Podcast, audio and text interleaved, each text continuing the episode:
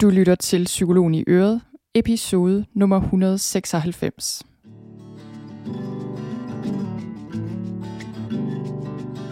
Velkommen til Psykologen i Øret. Jeg er psykologen Birgitte Sølstein, og Øret, det er dit. Whatever it might be Keep surprising me Whatever right Bring it on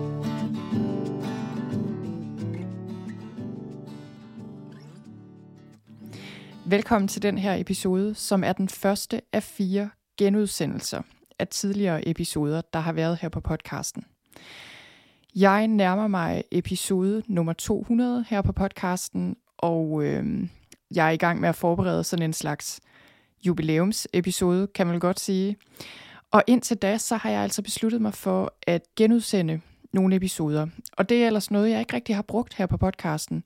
Jeg tror muligvis, jeg har genudsendt min efterårsmeditation eller et eller andet. Det er meget lidt, har jeg brugt det. Men jeg har så mange episoder liggende fra de senere år, og jeg besluttede mig altså for, her for ikke så længe siden, at jeg ville genudsende nogle af dem herop til den her 200 episodes markering. Og øh, det jeg gjorde her for nylig, det var, at jeg spurgte ud på de sociale medier, på Instagram og Facebook, og sagde, jeg har tænkt mig at gøre det her. Hvad er jeres yndlingsepisoder, eller hvilke episoder har ramt jer, rørt jer, gjort en forskel for jer. Og jeg tænkte egentlig, da jeg skrev det ud, så tænkte jeg, nå, jeg vide, om der overhovedet er nogen, der svarer. Men det var der. Der var rigtig mange, der svarede begge steder, og det var super dejligt. Og der kom mange, mange forslag, og jeg har sådan en lang liste over alle de episoder, der blev nævnt, og desværre kan jeg jo ikke genudsende dem alle sammen. Men øh, der var visse, der gik igen flere gange, så dem har jeg valgt. Så jeg gjorde det på den her måde, fordi i stedet for, at jeg tænkte, mm, hvad synes jeg er de bedste episoder, så var jeg nysgerrig efter at høre, hvad I synes derude. Og derfor er jeg rigtig glad for, at folk tog sig tid til at skrive, hvilke episoder de især havde været glade for. Og den første episode, som vi skal høre i dag, det er det, der oprindeligt var episode nummer 85. Og det er et interview med Pernille Melsted, og det handler om vrede. Og det her emne, vrede, det er et super spændende emne. Det er noget, jeg virkelig har brugt i mit eget liv, brugt meget at arbejde med og fokusere på, fordi jeg kan bare se, hvordan vrede er en øh, egentlig på mange måder overset følelse. Altså vi taler jo meget om stress og angst og depression. Vi taler ikke så meget om vrede og det problem, eller de problemer, som vrede kan skabe. Også fordi, som du også vil høre her i episoden, vrede ligner ikke altid vrede. Altså vrede kan vende indad og skabe masser af problemer, og vrede kan ligesom gå undercover og forklæde sig som alt muligt andet. Så øh, uanset om du synes vrede er noget, der fylder i dit liv, eller du har forholdt dig til, så vil jeg virkelig anbefale dig at lytte med i den her episode hvor, øh, hvor vi kommer ind på forskellige ting. Altså, hvad problemet er, hvis vi ikke kan mærke vores vrede. Hvad problemet er, hvis vi får aggressive. Og, øh, og selvfølgelig især, hvordan vi, øh, hvordan vi arbejder med vreden, og hvilke forskellige mønstre der er, og alle mulige andre gode ting. Så lad os hoppe over til min samtale med Pernille Melsted om vrede.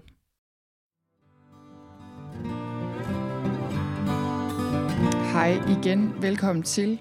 I dag skal det handle om en følelse, som er ret så overset i psykologien faktisk. Det er en følelse, vi alle sammen har, og som vi alle sammen har brug for at kunne håndtere på en ordentlig måde. Når man kigger på antallet af bøger, der er skrevet om for eksempel angst og depression, øh, sorg og de her andre almindelige psykologiske emner, så er der jo bare et kæmpe, kæmpe udvalg. Men hvis man kigger på den følelse, vi skal tale om i dag, nemlig vrede, så er det faktisk ikke noget, der fylder ret meget i landskabet. Der findes ikke ret meget litteratur. Hvis du spørger mig, så skal der gerne laves om på det, og det er der heldigvis også folk, der er i gang med, fordi vrede er bare en helt grundlæggende følelse, som vi har brug for at kende og være i sund kontakt med. Jeg har tidligere lavet en podcast episode om vrede. Det handlede om vrede i familien. Den kan du gå ind på min hjemmeside og finde, hvis du vil. Det var et øh, interview med en psykolog, der hedder Frej Pral.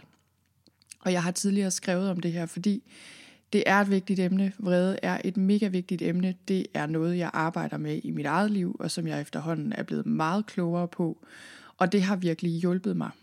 En af dem herhjemme, der beskæftiger sig med vrede, det er Pernille Melsted.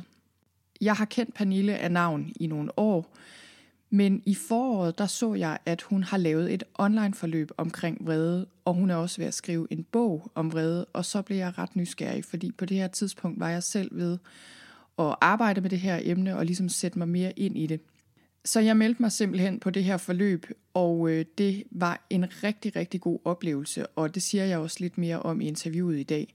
Og det jeg har oplevet i mit eget liv, det er, at vrede kan være destruktiv selvfølgelig, men når jeg lærer at få fat i vreden på den gode måde, så er der også rigtig, rigtig meget power i den. Jeg vil mene, at vi alle sammen, 99,999% af mennesker, har issues med vrede på en eller anden måde.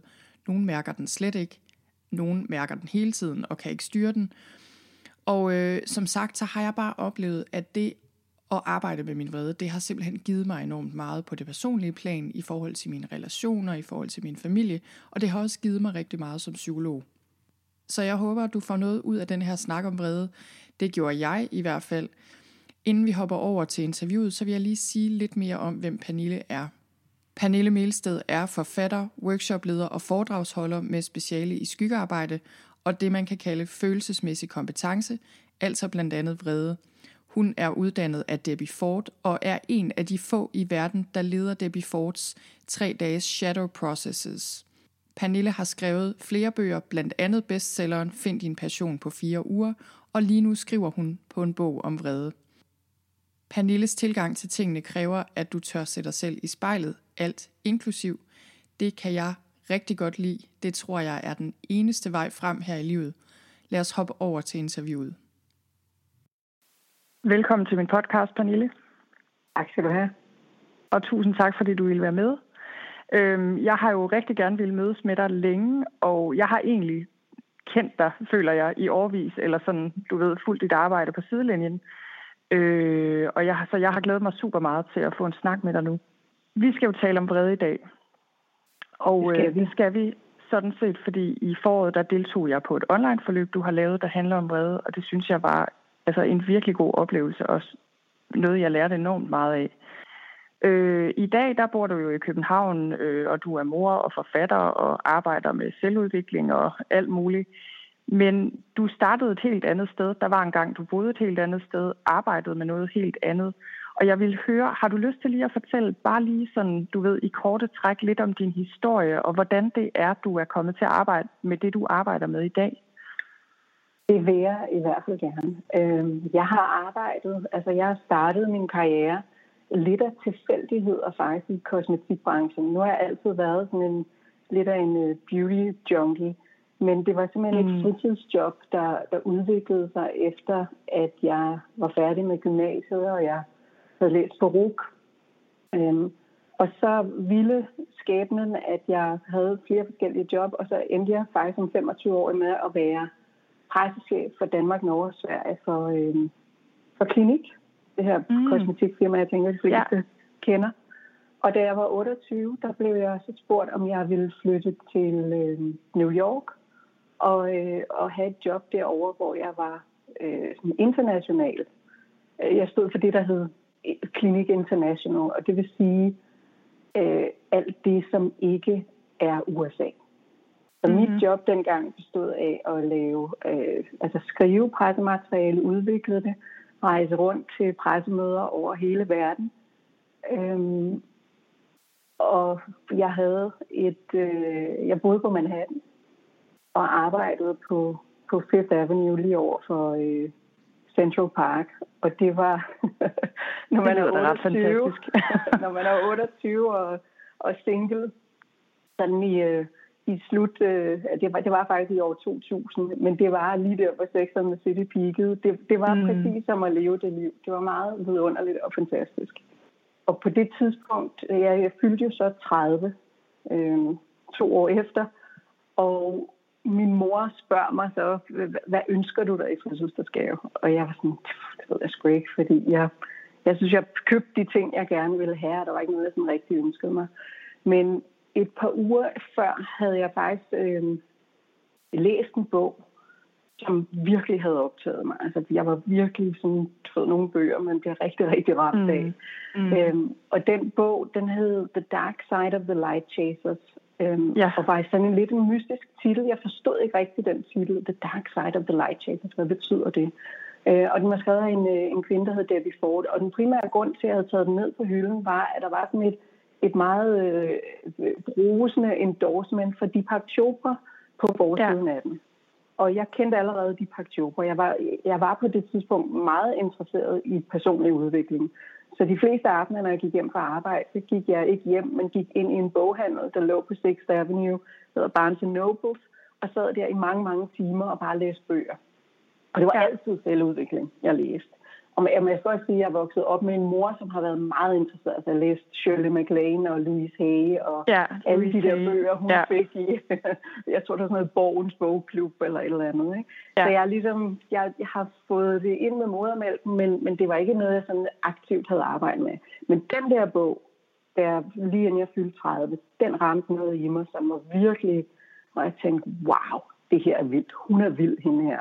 Øhm, ja. Det her med altså hele begrebet skyggesider, at der er nogle sider af mig, som jeg ikke vil vedkende mig, men som ikke desto mindre findes. Øhm, og det her med, hvordan vi, vi skjuler sider af os selv, det ramte noget virkelig, virkelig dybt i mig.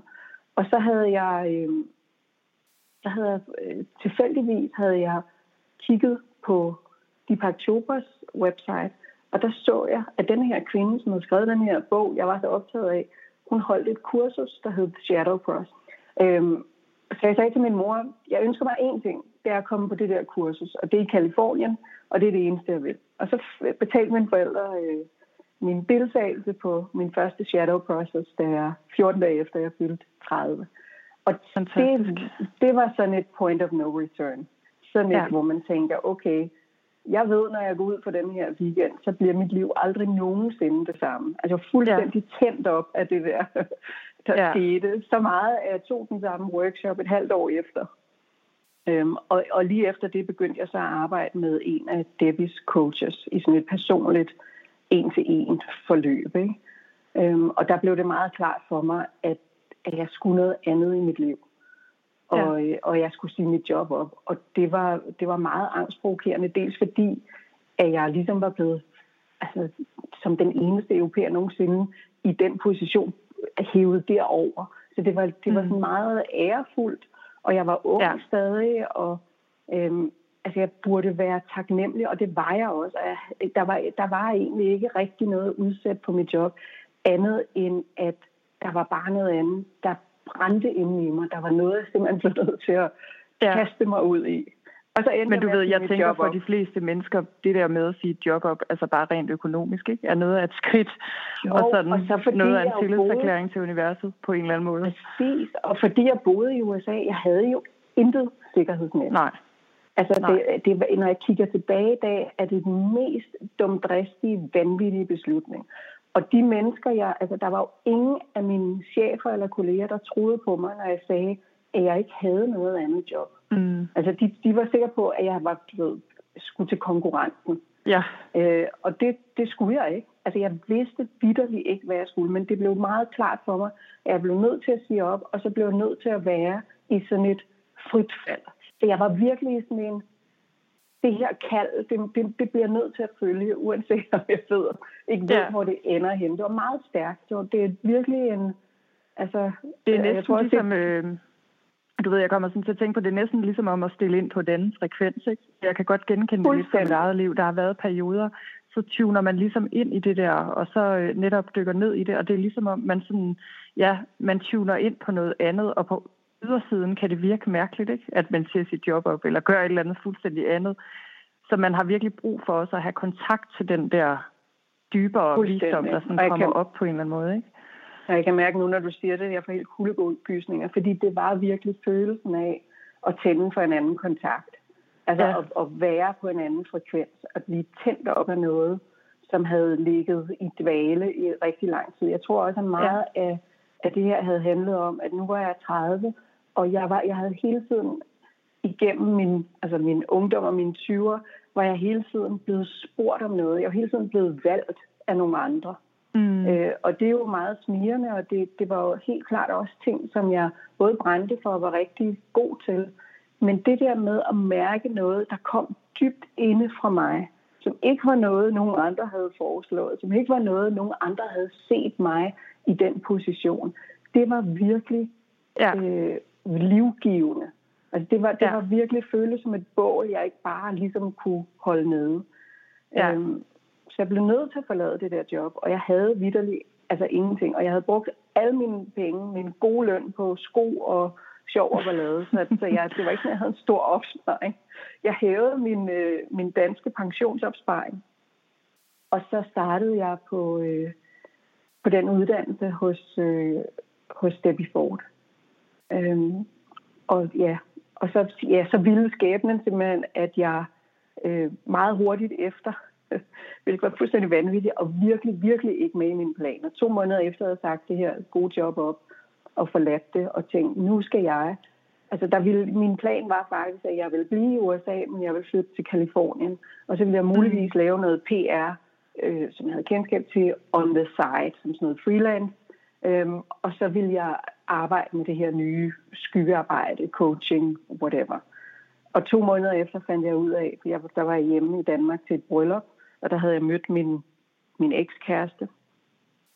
Og så da jeg skulle hjem til Danmark, eller hjem til USA igen i, øh, i juli, så øh, fandt jeg ud af fire dage før, at jeg var gravid. Okay. Og det, altså, det var, ja, det var, Altså for den der eufori, hvor jeg nærmest følte, at jeg var, altså nu starter mit liv. Jeg var, ja. Den der følelse af at sige mit job op, jeg var så høj på, øh, på endorfiner og på muligheder og på alt står åbent. Altså det var virkelig nærmest sådan øh, hybrisagtigt, ikke? Livet ja. kan bare komme an nu, ikke? Og så bang, så kom den der. Ja. Og jeg var, altså, det var virkelig et chok for mig, og det var på ingen måde med i mine planer. Og jeg endte med øh, at tage fat i, i den her ekskæreste og sige, at det, det, det får jeg ordnet, nu skal jeg bare hjem, og så mm. jeg må få en abort, og jeg må, det, det, det skal du ikke tænke over. Og så kommer jeg hjem til, til New York, og på det tidspunkt har jeg også sagt min lejligheder. Og, men det, der så skete, var, at jeg tog væk. Så tog jeg faktisk 14 dage på Deepak Chopras, et kursus hos Deepak, Deepak Chopra i Kalifornien. Og var virkelig sådan, hvad fanden skal jeg? Og på et tidspunkt, og fordi jeg havde været hos Deepak Chopra før, øh, og som frivillig, så, så på et tidspunkt kommer han hen til mig og siger, nu er du her igen. Så siger jeg, ja. Så siger jeg, men jeg ved stadig ikke, hvad jeg, hvad jeg skal med mit liv, men nu, nu er jeg gravid. Og så sagde han noget, som virkelig var stort. Så sagde han, så ved du godt, hvad du skal. Og da han sagde det, så var det som om det, der havde været så altså, slet ikke en mulighed inde i mig, faldt på plads. Og så tænkte jeg, ja, mm. det ved jeg godt, jeg skal, jeg skal have det her barn. Selvom jeg kunne slet ikke se, hvordan, hvordan skulle jeg gøre det, og hvordan skulle det se mm. ud. Ikke? Og samme eftermiddag, der ringede jeg hjem til, til faren, til barnet, og sagde, prøv at høre her, hvis du er klar, så kommer jeg hjem. Ja, det er jeg. Og det, det vidste jeg egentlig godt, han ville sige. Mm. Og så flyttede jeg hjem og det, der var så vidunderligt der, det var, at alting var jo pakket. det var ja. som om, at altså, der var ikke noget, jeg skulle sige op nu. Alting stod nydeligt i et storage-rum i Manhattan, og skulle bare i en container sendes hjem til Danmark. Og det eneste, jeg skulle købe, var en one-way ticket hos SAS fra New York til København. Og mm. så var det bare et andet liv, der startede. Ikke? Og ja. det var jo så i det var 2003, og så fødte jeg William i 2004. Og så startede jeg simpelthen op som, øh, som sådan selvstændig coach, som var ret nyt dengang i 2004. Og, øh, ja, og så skrev jeg min første bog, der hed Find din passion. Øh, ja. Og som i høj grad var inspireret af hele det her med, hvor, altså den følelse er jo den, man skal have. Det der med, det her er det, jeg vil. Ja. Ja. Øhm, og, og hvordan finder man ud af det? Jeg er jo meget optaget af det her. Hvordan finder man ud af, hvad man skal være, når man bliver stor? Øh, ja. Jeg havde egentlig altid vidst det. Altså, for jeg var 12 år vidste jeg, at jeg skulle være journalist. Det blev jeg så ikke.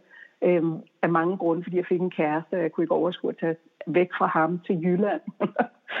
det er vanvittigt i dag. Øhm, så, så, så min karriere formede sig ligesom bare, og, jeg, og jeg, det, var, det blev en rigtig god karriere i mine 20'er, men det var meget tilfældigt.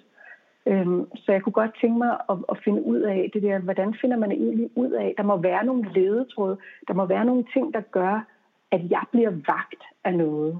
At der er noget, der trækker i mig, som ikke trækker i min søster eller i min veninde. Ikke? Hvad er det? Øhm, og så skrev jeg den bog, og den blev så en succes. Og så havde jeg så et par år, hvor at, så lavede jeg en uddannelse med det, og underviste i det, og sådan startede det. Og jeg har altid undervist, også i min øh, ja. gamle job. Ikke? Så det var meget naturligt for mig. Jeg kan rigtig godt lide at undervise, jeg kan rigtig godt lide at udvikle materiale. Og det, det er jo igen, hvis man taler om de her passionsledetråde, det er min passionsledetråde. Og det har ja. det været, uanset om jeg arbejder med kosmetik, eller med det, jeg arbejder med i dag. Og det er jo det meget, meget Jeg kommer sådan til at tænke på, jamen det giver god mening, og jeg kommer sådan til at tænke på, jeg læste øh, din bog for nogle år siden, øh, Find din passion på fire uger. Faktisk ja. også på et tidspunkt, hvor jeg selv, jeg var godt nok blevet psykolog, og, men jeg var ikke ligesom mig selv som psykolog. Så jeg mm. havde virkelig brug for at finde ud af, okay, hvordan er det, jeg skal være psykolog på min måde? Øh, og det hjalp mig rigtig meget. Den kom ligesom, det var godt nok nogle år efter, du havde skrevet den, men øh, den kom ligesom lige på det rette tidspunkt. Så du ved, og det får mig til at tænke på, det her med vrede, som vi skal tale om. Mm. Hvordan, fordi siden da, øh, alt det her, du har beskrevet, du kom til Danmark og begyndte at arbejde, og du arbejder jo også, du laver The Shadow Process Weekend, ved jeg, øh, mm. som er Debbie Fords øh, koncept. Præcis. Og du laver alle mulige ting, og har lavet alle mulige ting, har skrevet flere bøger. Men nu er du begyndt at arbejde med vrede, og arbejder også på øh, en bog om vrede, og har det her online-forløb. Altså, hvordan kan det være, at du begyndte at tage det her og arbejde med det her emne? Hvorfor lige nu egentlig? Yeah. Har det også noget med din egen proces at gøre, eller du ved, hvordan ja, det kan det, det egentlig være? Øhm, men det har også noget med, altså jeg har fra 2007 eller 8 begyndte jeg at arbejde meget tættere sammen med Debbie Ford. Hun kom til Danmark og holdt den første Shadow Process. Og det gjorde hun øh, fem eller seks gange, indtil hun desværre døde alt for tidligt mm. i 2013. Ikke? Øhm, ja. og, og jeg var faktisk på det tidspunkt slet, slet ikke interesseret i at, at undervise på Shadow Process alene. Fordi det er så meget Debbies workshop. Men mm. det, da der så var gået et år, og det hele var, var ligesom landet lidt mere, så kunne jeg se, at vi var kun tre. Altså, vi er kun tre på verdensplan, der ligesom har, har licens til at undervise i The Shadow Process. Og så tænker jeg, hvis jeg ikke gør det, så er der så mange mennesker, der ikke får den oplevelse. Ja. Det var jo virkelig den proces, der satte alt i gang for mig. Ja. Så den betyder rigtig meget for mig. Og en meget vigtig del af den proces er en vredesforløsningsøvelse, mm. øhm, som foregår lørdag aften. Og den var, var ret banebrydende for mig, fordi jeg kan huske på min egen første shadow process, hvor jeg havde i forhold til det der med, at vi skulle det.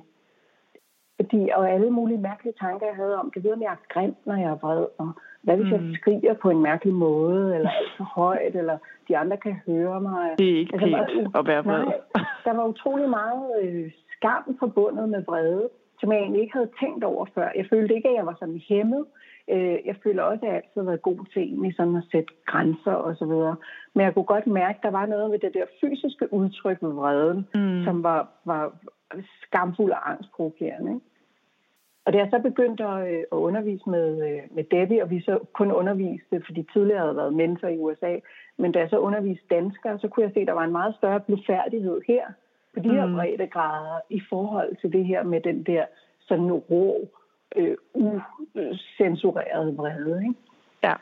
Øh, og mange flere, sådan, at vrede er forkert og forbudt, og man bør ikke være vred, og øh, tilgivelse er bedre osv. osv. Og jeg var ja. den klare overbevisning også, at jeg har undervist i det her, at vi kan ikke komme til ægte tilgivelse, før vi har været igennem vreden. Mm. Altså det er min klare overbevisning. Mm. Øhm, ja. og så, så jeg kunne se efter så også selv at have, have let Shadow Process i så fem år i hvert fald. Der er noget her med det her vrede, som er rigtig, rigtig interessant. Og ja. så, så tror jeg også, ja, at det hang sammen med nogle ting i mit eget privatliv, hvor jeg begynder at mærke nogle, en vrede, en, en faktisk en afmagt en frustration over nogle ting, som som ikke engang var en person, men som egentlig var et system, altså noget ja. i forhold til min søns skole. Og, altså, der var sådan et system, jeg var op imod, hvor at, at jeg kunne mærke, at jeg blev nødt til, hvilket faktisk var overraskende konfronterende for mig, og, og sådan at skulle skrue bissen på. At, mm. Fordi jeg ser mig selv som et meget sådan, øh, øh, egentlig konsensussøgende, ja. øh, øh, altså fornuftigt menneske. Ikke? Og lige pludselig ja. så kunne jeg mærke, at det her, der ville ikke rykke noget her, hvis ikke jeg blev ret barsk faktisk. Altså det jeg selv ja. synes var barsk. Og slog i bordet og blev sådan en, hvor jeg risikerede, at nogen ville sige, hold kæft, en hysterisk mor. Mm. Øh, og det, den skulle jeg æde, det kunne jeg godt mærke. Der var det, jeg tænkte, wow, der er virkelig nogle skyer, der bliver vagt her i mig. Og så begyndte jeg bare at Altså, og det er jo det, jeg, jeg kan lide. Så fordybede jeg mig i alt, hvad der ja. handler om vrede. Jeg læste og undersøgte og det ene og det andet. Og jeg kan jo, altså, det hænger jo rigtig godt sammen med det, jeg laver normalt, altså skyggearbejdet, fordi at vrede ja. i den grad er en skyggefølelse.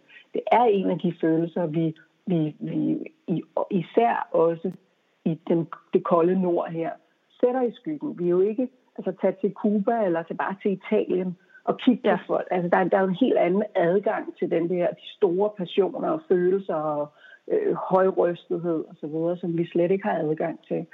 Øhm, og når jeg så begyndte at, at kigge på mine skyggekurser, så kunne jeg også se, at når vi talte om barndommen og hvad vi ligesom havde fået point for, øhm, så kunne jeg se, at rigtig mange af os har fået point for at være nemme børn eller søde piger. Ja.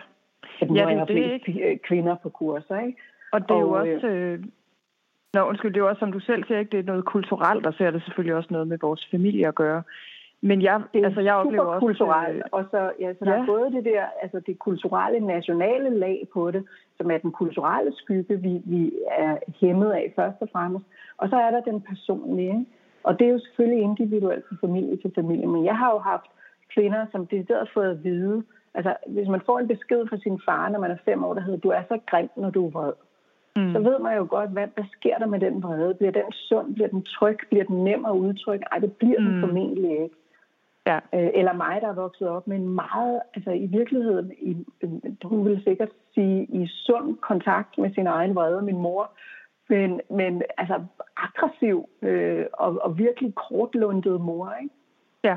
Øhm, ja. Hvor jeg tror, jeg har tænkt, det der, jeg synes, det var så, så ude af proportioner nogle gange. Ikke? Der ja. tror jeg, jeg har tænkt, sådan der skal jeg ikke være. Og så er jeg bare ja. blevet super cool. ja. Og er det, du ved, fordi jeg tænker også med vrede, altså sådan helt generelt, når jeg kigger i litteraturen, du ved, når jeg gerne vil, på et tidspunkt blev jeg også meget optaget af vrede sidste år faktisk, ikke? Selvfølgelig ja. også, fordi jeg følte, det var et issue i mit eget liv, og, men egentlig også sådan, jeg arbejder meget med stress og angst, og du ved, jeg sidder sådan og tænker, mens du taler også det der med, ja, her i Skandinavien, øh, vi har ikke de store passionerede følelser så meget, men til gengæld har vi masser af stress og angst. Ikke? Og der okay. tror jeg også, øh, det er jo ikke den eneste årsag, men der er, også, altså, der er noget der, der er en eller anden dynamik der, der hænger sammen. Øh, men jeg synes bare, da jeg ledte efter litteratur øh, på dansk om vrede, der var der der var noget, Intet. der var næsten ingenting. Øh, næsten ingenting. Og også på Nej. engelsk vil jeg faktisk sige, det er jo ikke noget, der bliver forsket ret meget i, eller skrevet Nej. ret meget om. Når man tænker på, hvor meget der bliver skrevet om sorg, eller angst, eller Nej. depression, eller lykke, eller hvad det nu kan være. Ikke? Øh, så det er virkelig sådan en, øh, føler jeg, sådan meget underbelyst følelse, og det er bare noget, vi ikke taler nok om. Øhm. Og det, jeg fandt ud af, da jeg begyndte at, øh, at, at undersøge det her nærmere, det var jo netop, at de bøger, der er, de handler om anger management.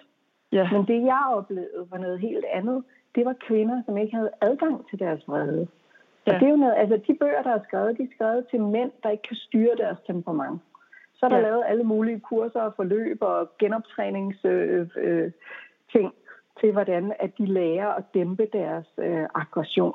Men der er ikke skrevet særlig meget til kvinder eller mænd for den sags skyld, som har lagt låg på deres vrede og har brug mm. for at få adgang til den kraft og den passion og den øh, sunde grænsesætning, der ligger i vreden. Ja. Øh, Ja, og du ved, og jeg tænker også, øh, netop når du siger det der med vredeshåndtering, det var også min oplevelse, rigtig meget handler om anger management. Ja. Og egentlig så er det jo rigtig godt at kunne håndtere sin vrede. Du ved, jeg er selv den aggressive type. Mm. Øh, du ved, i forløbet der du også har, der skitserer du sådan fire vredesmønstre, som sådan er fire hovedmønstre. Der er den aggressive, den passive, den passiv-aggressive, og så den projektiv-aggressiv, tror jeg. Ja. Nå, anyway, og jeg er helt klart den aggressive øh, lige umiddelbart. Men øh, og man kan sige, at det er selvfølgelig rigtig godt at kunne håndtere sin vrede, men egentlig så skulle man jo gerne et skridt videre på et eller andet tidspunkt, ikke? Og blive klogere på den der vrede, og yeah. finde ud af, okay, hvad er det overhovedet, der trigger den, og hvilke følelser ligger under, og hvordan kan jeg ligesom altså komme til bund, så komme videre, i stedet for bare hele tiden at skulle håndtere den her vrede. Og, hvordan, og det er derfor, jeg øh, synes, den der sammenhæng mellem vrede og skam er så interessant, ikke? Det var en af de ting, altså nu, jeg synes, jeg lærte enormt mange ting i dit forløb. Jeg tog jo det her vi kommer til at tale lidt om det lige, lige om lidt, men, men dit online-forløb, som ligesom var i moduler, hvor, man, hvor jeg lærte enormt meget om vrede og fik den her mulighed for at, at dykke ned i det, og jeg synes, altså jeg synes, jeg lærte enormt mange ting. det er svært lige at vælge ud faktisk, mm. hvad vi skal tale om i dag. Men, men netop det der med skam, øh, det synes jeg var interessant, og noget jeg også, det er virkelig en dynamik, jeg kan mærke i mit eget liv, Øhm, jeg tror nok, vi havde en øvelse derhen, der var sådan en vredesdagbog, du ved, hvor ja. vi skulle skrive noget omkring os, hvilke følelser, der triggede ja. vreden. Og vil du sige lidt om det? Fordi det, jeg synes var så fedt ved den øvelse, det var det der med, du ved, fordi umiddelbart ville jeg jo sige, Nå, men det er jo min søn, der trigger min vrede, eller det er jo den og den ja. lærer, der trigger vreden, ikke? Og da jeg så skulle lave den her vredesdagbog og sådan undersøge, okay, jamen hvad er det egentlig, der trigger vreden, så var det jo ikke dem, så var det jo følelser inde i mig, og ja. det var virkelig, altså det var virkelig et skridt i den rigtige retning, fordi det gav mig noget mere power i forhold til, mm. godt så, hvor, altså, hvor kommer det fra? Hvad kan jeg ligesom stille op med det? Kan du prøve at sige lidt om det i forhold til ja. vrede og skam, og de der øh, skamknapper, som du kalder Ja, det er det, jeg kalder dem. Øhm, fordi det er også det, jeg selv synes er det aller, aller vigtigste. Ikke? Det er jo der, hvor vi begynder at faktisk at tage ansvar for vores egne følelser. Ikke? At vi begynder at se, okay, jeg får den her følelse, og du, du har det aggressive vredesmønster, så det vil sige, at det er der, hvor du hisser dig op, eller bliver vred ja. eller kortlundet, og hvor en passiv type vil trække sig, vil blive mut, vil blive indeslukket eller indelukket, og, og øh, måske sådan lidt selvmedlidende. Jamen, det er også bare typisk, eller opgivende. Mm. Ikke? Så det kan mm. være de to reaktioner, der kan være, men det, der sætter det i gang, er det samme. Det er et eller andet, vi ser udefra, altså en eller anden, der ikke siger godmorgen, eller en eller anden, der bliver ved med at smide skoletasken i øh, gangen, eller øh, alle mulige udefrakommende ting, som, som trigger ja. en eller anden respons i os. Men det, der bliver det interessante, det er netop at kigge nedenunder den her, og så se, hvad er det, hvad er det jeg føler mig, når jeg ja. bliver vred. Lige præcis. Og det kan jo være mange forskellige følelser. Det kan være, at jeg føler mig ignoreret, jeg føler mig overset, jeg føler mig latterliggjort, jeg føler mig grim, jeg føler mig øh, ikke respekteret. Jeg føler mig misforstået. Der er sådan en helt mm. lang, lang række af forskellige følelser, som jeg har listet, og som jeg synes er utrolig vigtigt og interessant at blive bevidst om. Hvad er det, der sker, når jeg bliver ramt? Altså når jeg enten bliver ramt, så jeg bare tænker, ja, fuck dig. Det kan også være et parforhold, ja. ikke? En partner gør ja. noget andet, hvor man bare siger, ved du hvad, du kan bare skrive øh, som, som er den aggressive øh, defense mechanism, ikke? Ja. altså forsvarsmekanismen, for, for at jeg ikke bliver ramt, så kan du bare skrive ud af mit liv. Ikke? Øhm, og, og der kunne jeg se, at når det sker for mig, når jeg får sådan en der, du kan bare skrive ud af mit liv, så er det, øhm, så handler det om, at øhm, at jeg føler mig, altså jeg, jeg er bange for, øh, for at blive forladt eller bange for ja. afvisning. Ikke? Ja. Og, ja, og, og det er jo paradoxalt, kigger... ikke? At man jo, selv bruger altså en forsvarsmekanisme, der ligesom lidt bliver en selvopfyldende profeti. Ja, og når man så finder ud af, det her, det der kan trigge min vredesfølelse, eller det der kan trigge min, det er, at jeg trækker mig og opgiver. Hvad er det for følelser? Og det, der jo så mm. bliver interessant, det er, at jeg har aldrig nogensinde set endnu, at når vi identificerer de følelser, at vi ikke kan trække en direkte tråd tilbage til noget i vores ja. barndom.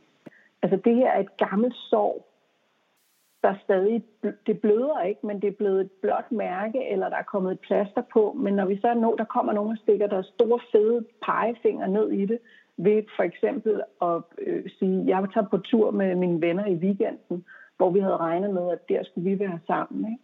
Så er det, at den her følelse af ikke vigtig bliver reaktiveret. Og så er det, at såret bløder igen, eller i hvert fald gør ondt. Og det, ja. vi glemmer, det er, at det er et meget, meget ældre sår. Ja, og det er jo der, hvor man virkelig sådan kan, kan narre sig selv. Ikke? Altså sådan, hvor man virkelig kan misforstå, okay, hvad, hvad handler det her om? Fordi øh, jeg kommer sådan til at tænke på bare for eksempel mine børns adfærd. Altså det tror jeg mange ja. forældre kan genkende, når jeg bliver vred på dem over deres adfærd.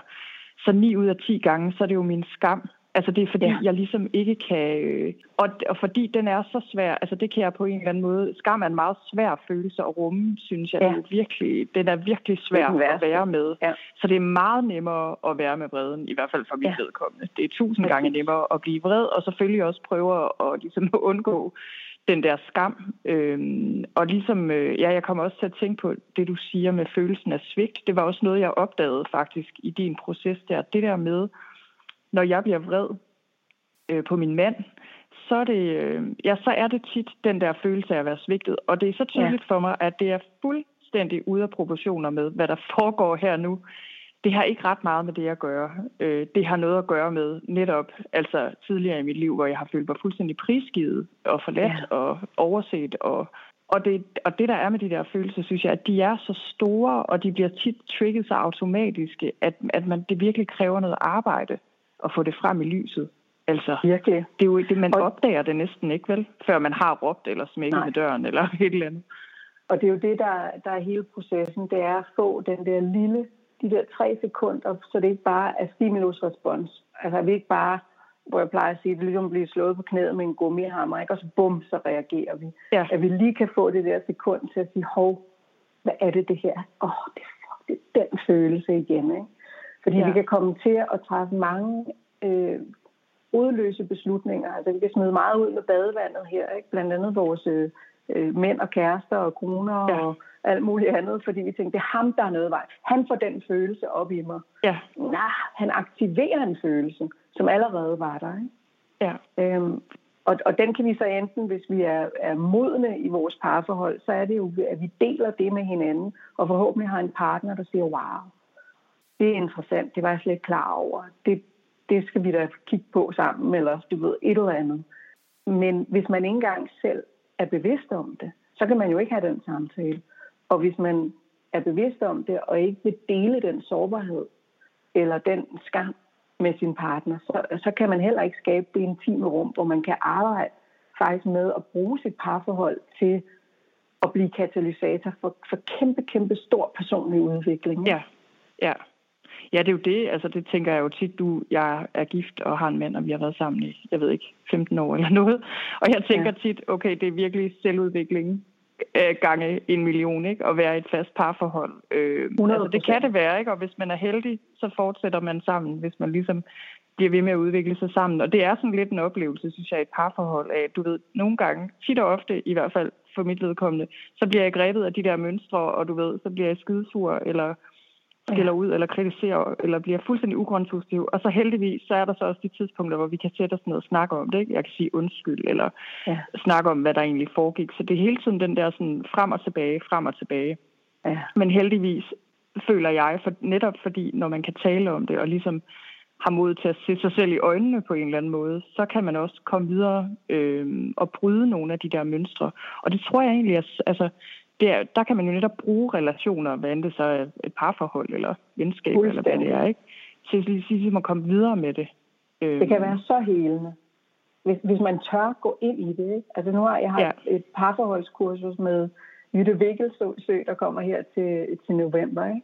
Og det er netop det der tanken at ture gå ind i og være der i det rum sammen, hvor vi kan dele det, som trigger os allermest, og det vi er allermest bange for, det vi skammer os allermest over.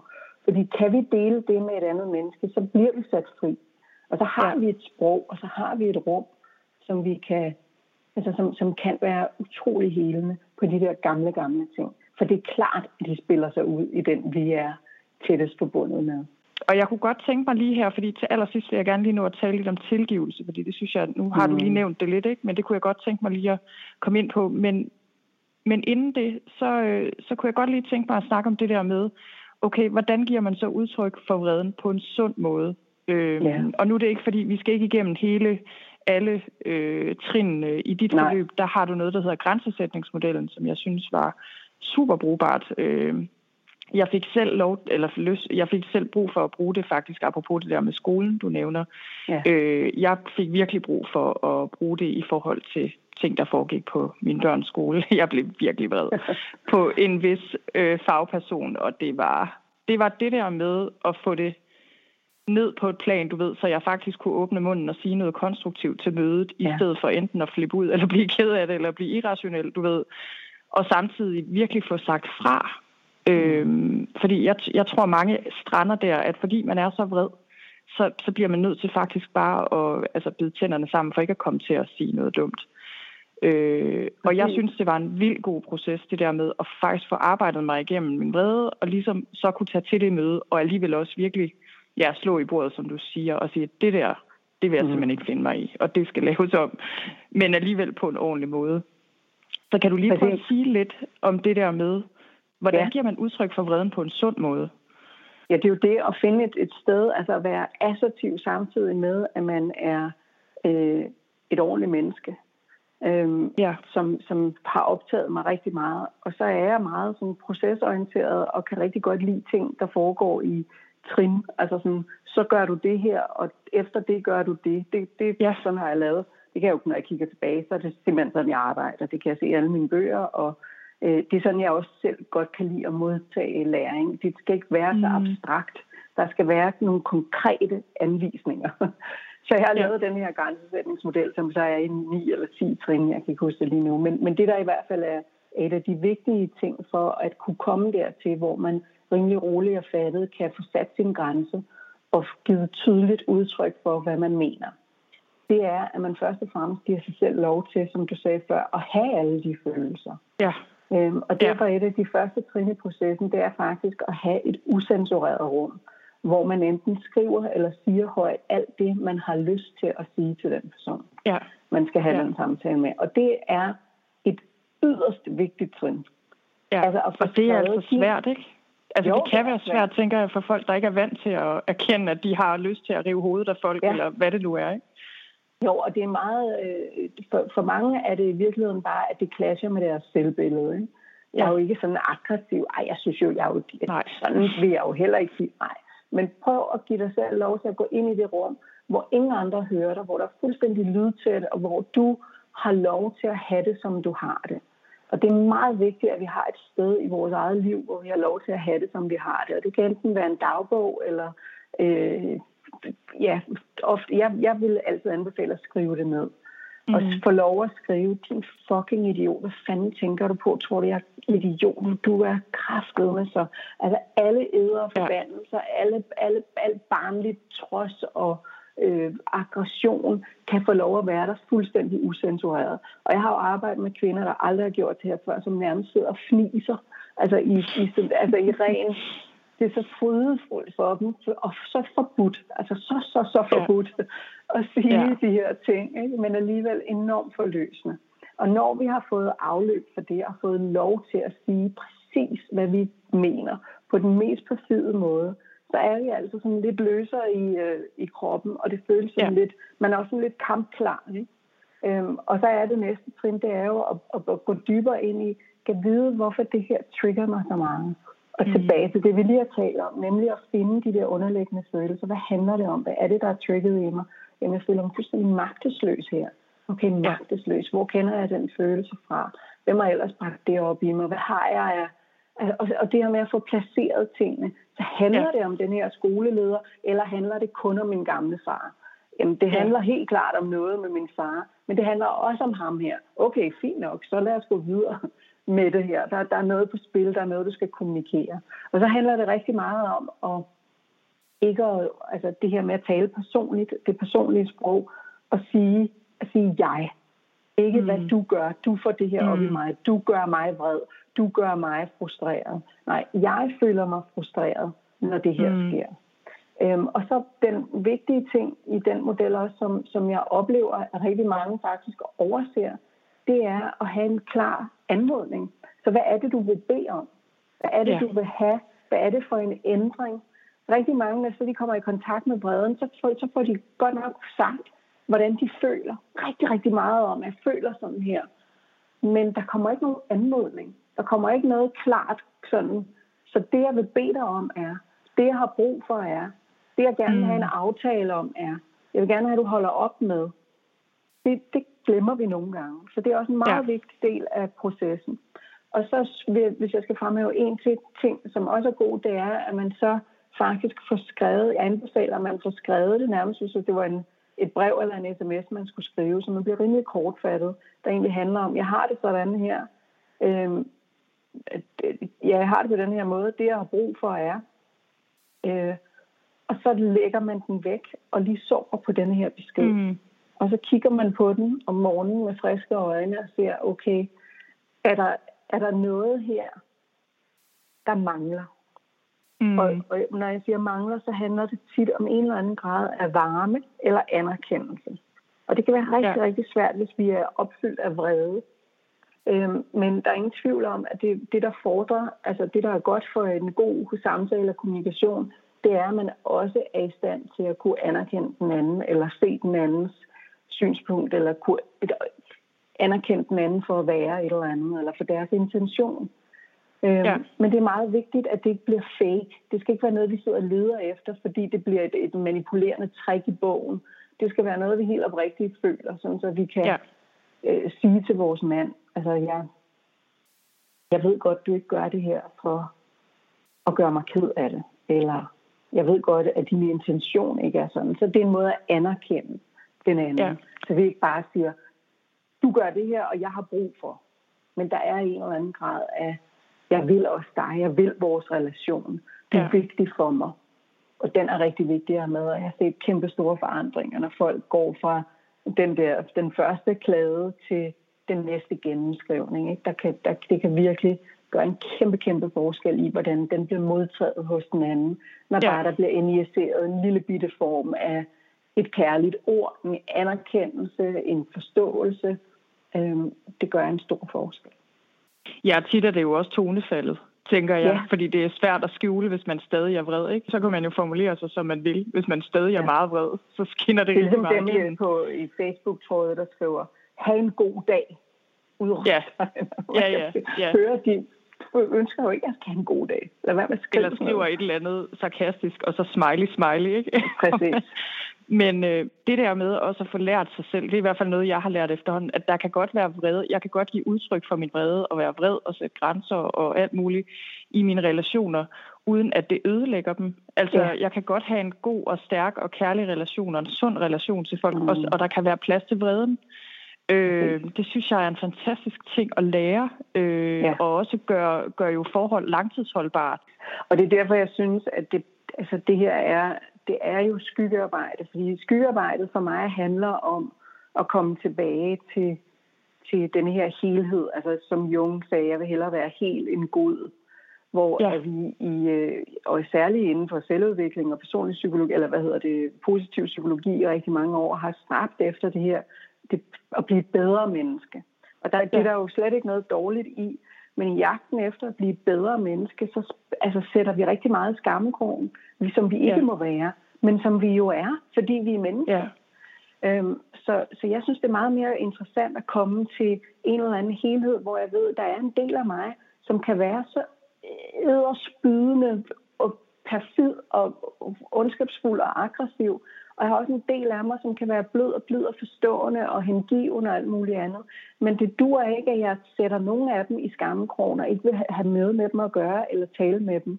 Det er jo ikke, at de skal styre, eller jeg så skal øh, spy min galle ud over andre. Nej, jeg skal anerkende, at der er en del af mig, som lige nu har lyst til at sige noget virkelig perfidt til ham der idioten nede i køen i Netto som et eller andet. Ikke? Ja.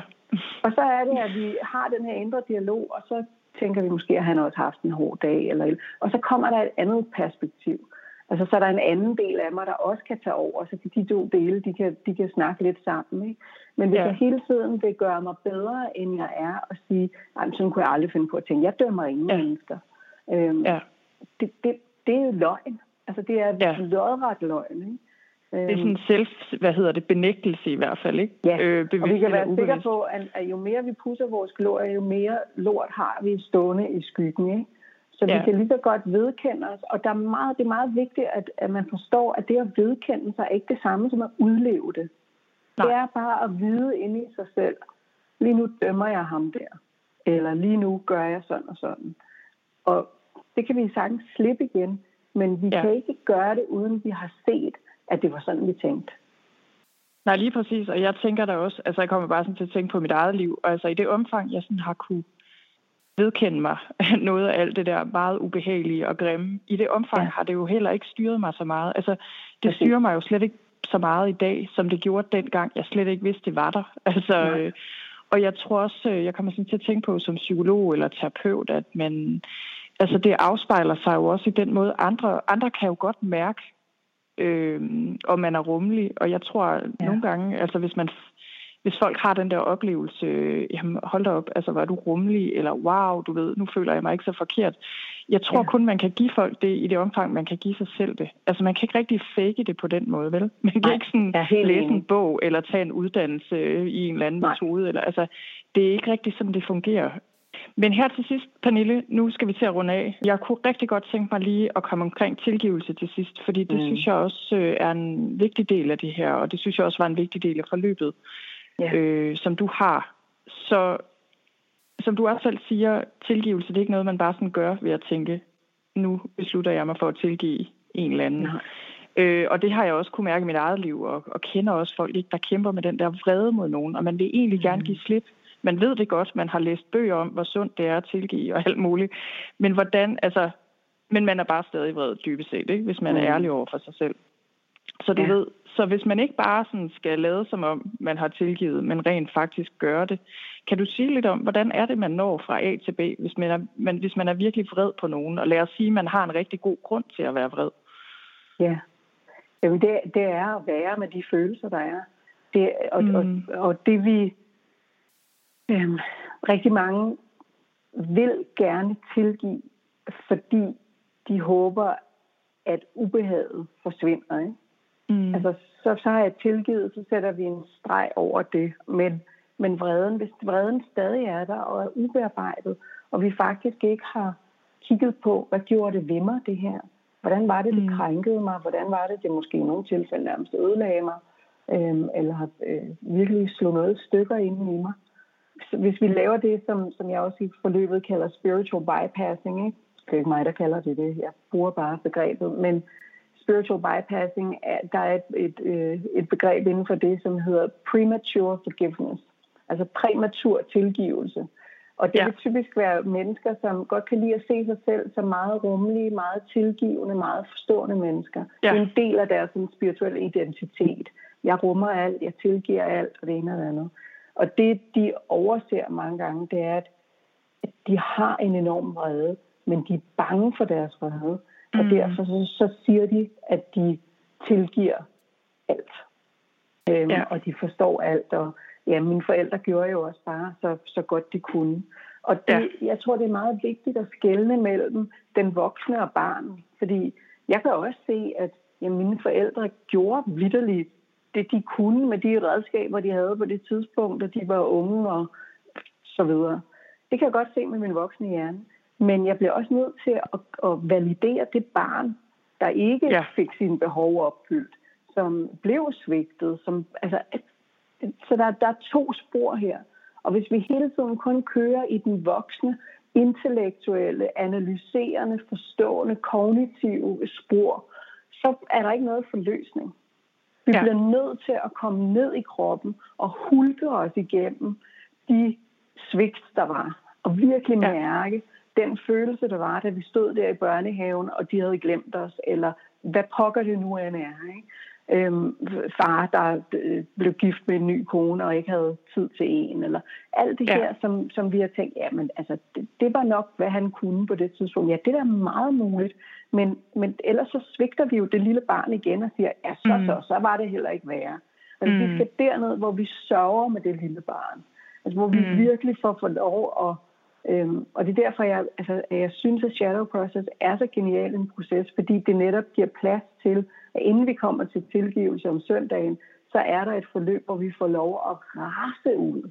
Altså både ja. tude over det, vi ikke fik, og skrige vores afmagt ud i, fuck dig, din idiot, hvordan kunne du mm. gøre det? Ikke? Øhm, og, og så er man fuldstændig flad efter det der, ikke? og føler sig sådan helt tømt. Og det er den ja. følelse, du skal være i, før du overhovedet kan bevæge dig hen i at sige, jeg er villig til, at, og det er også en vigtig ting at forstå, at tilgivelse er, det er noget, vi gør for andre, vi gør det for os selv. Jeg mm. giver slip på det her for min skyld, fordi lige nu, der slæber jeg dig med rundt alle steder i mit liv, som sådan en fodlænke øh, af gammel vrede og bitterhed. Ikke? Og den vil ja, så det er ikke det samme som at sige, at det var okay. Altså Nej. ligesom, Nå, det var bare okay, eller det du er velkommen Præcis. til at gøre igen en anden gang, eller det er jo, det, ikke, det er jo slet ikke noget med det at gøre, vel? Nej, mange værger sig mod, mod øh, tilgivelsen, fordi vi tænker, jamen så er de off the hook, så har jeg sagt, ja. at det vi gjorde var okay, eller lige meget. Og det er slet ikke sådan, tilgivelse er i, i mine øjne. Tilgivelse er, er, er en gave, vi giver os selv, for at sætte os selv fri.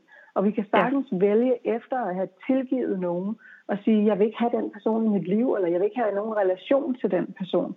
Men ja. så gør vi det fra et sted, hvor vi er afklaret og ikke trigget mere, øhm, ja. i stedet for som trods eller straf over for den person. Ikke? Ja.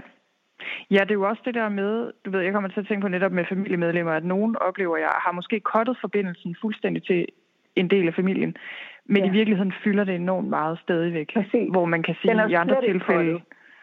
den er slet ikke kottet. Det fylder ja. så meget. Det er sådan kæmpemæssig energi, der nærmest er låst fast der. Ikke? Ja. Og det har jeg selv oplevet på et tidspunkt, hvor jeg så... Øh, godt nok ikke lige med familie, men med sådan en mere veninderelation, da jeg så ligesom fik styr på de der følelser, så skulle jeg mm. sagtens stile med vedkommende i et eller andet omfang, ja. hvis det var det, jeg skulle. Det betød ikke noget. Øh, men, men før det, hvor jeg sådan havde kottet forbindelsen, der fyldte det faktisk rigtig meget. Altså, der sad jeg virkelig fast i det. Præcis. Ja. Så det er det der med at komme, komme ned i alle følelserne og ture være der.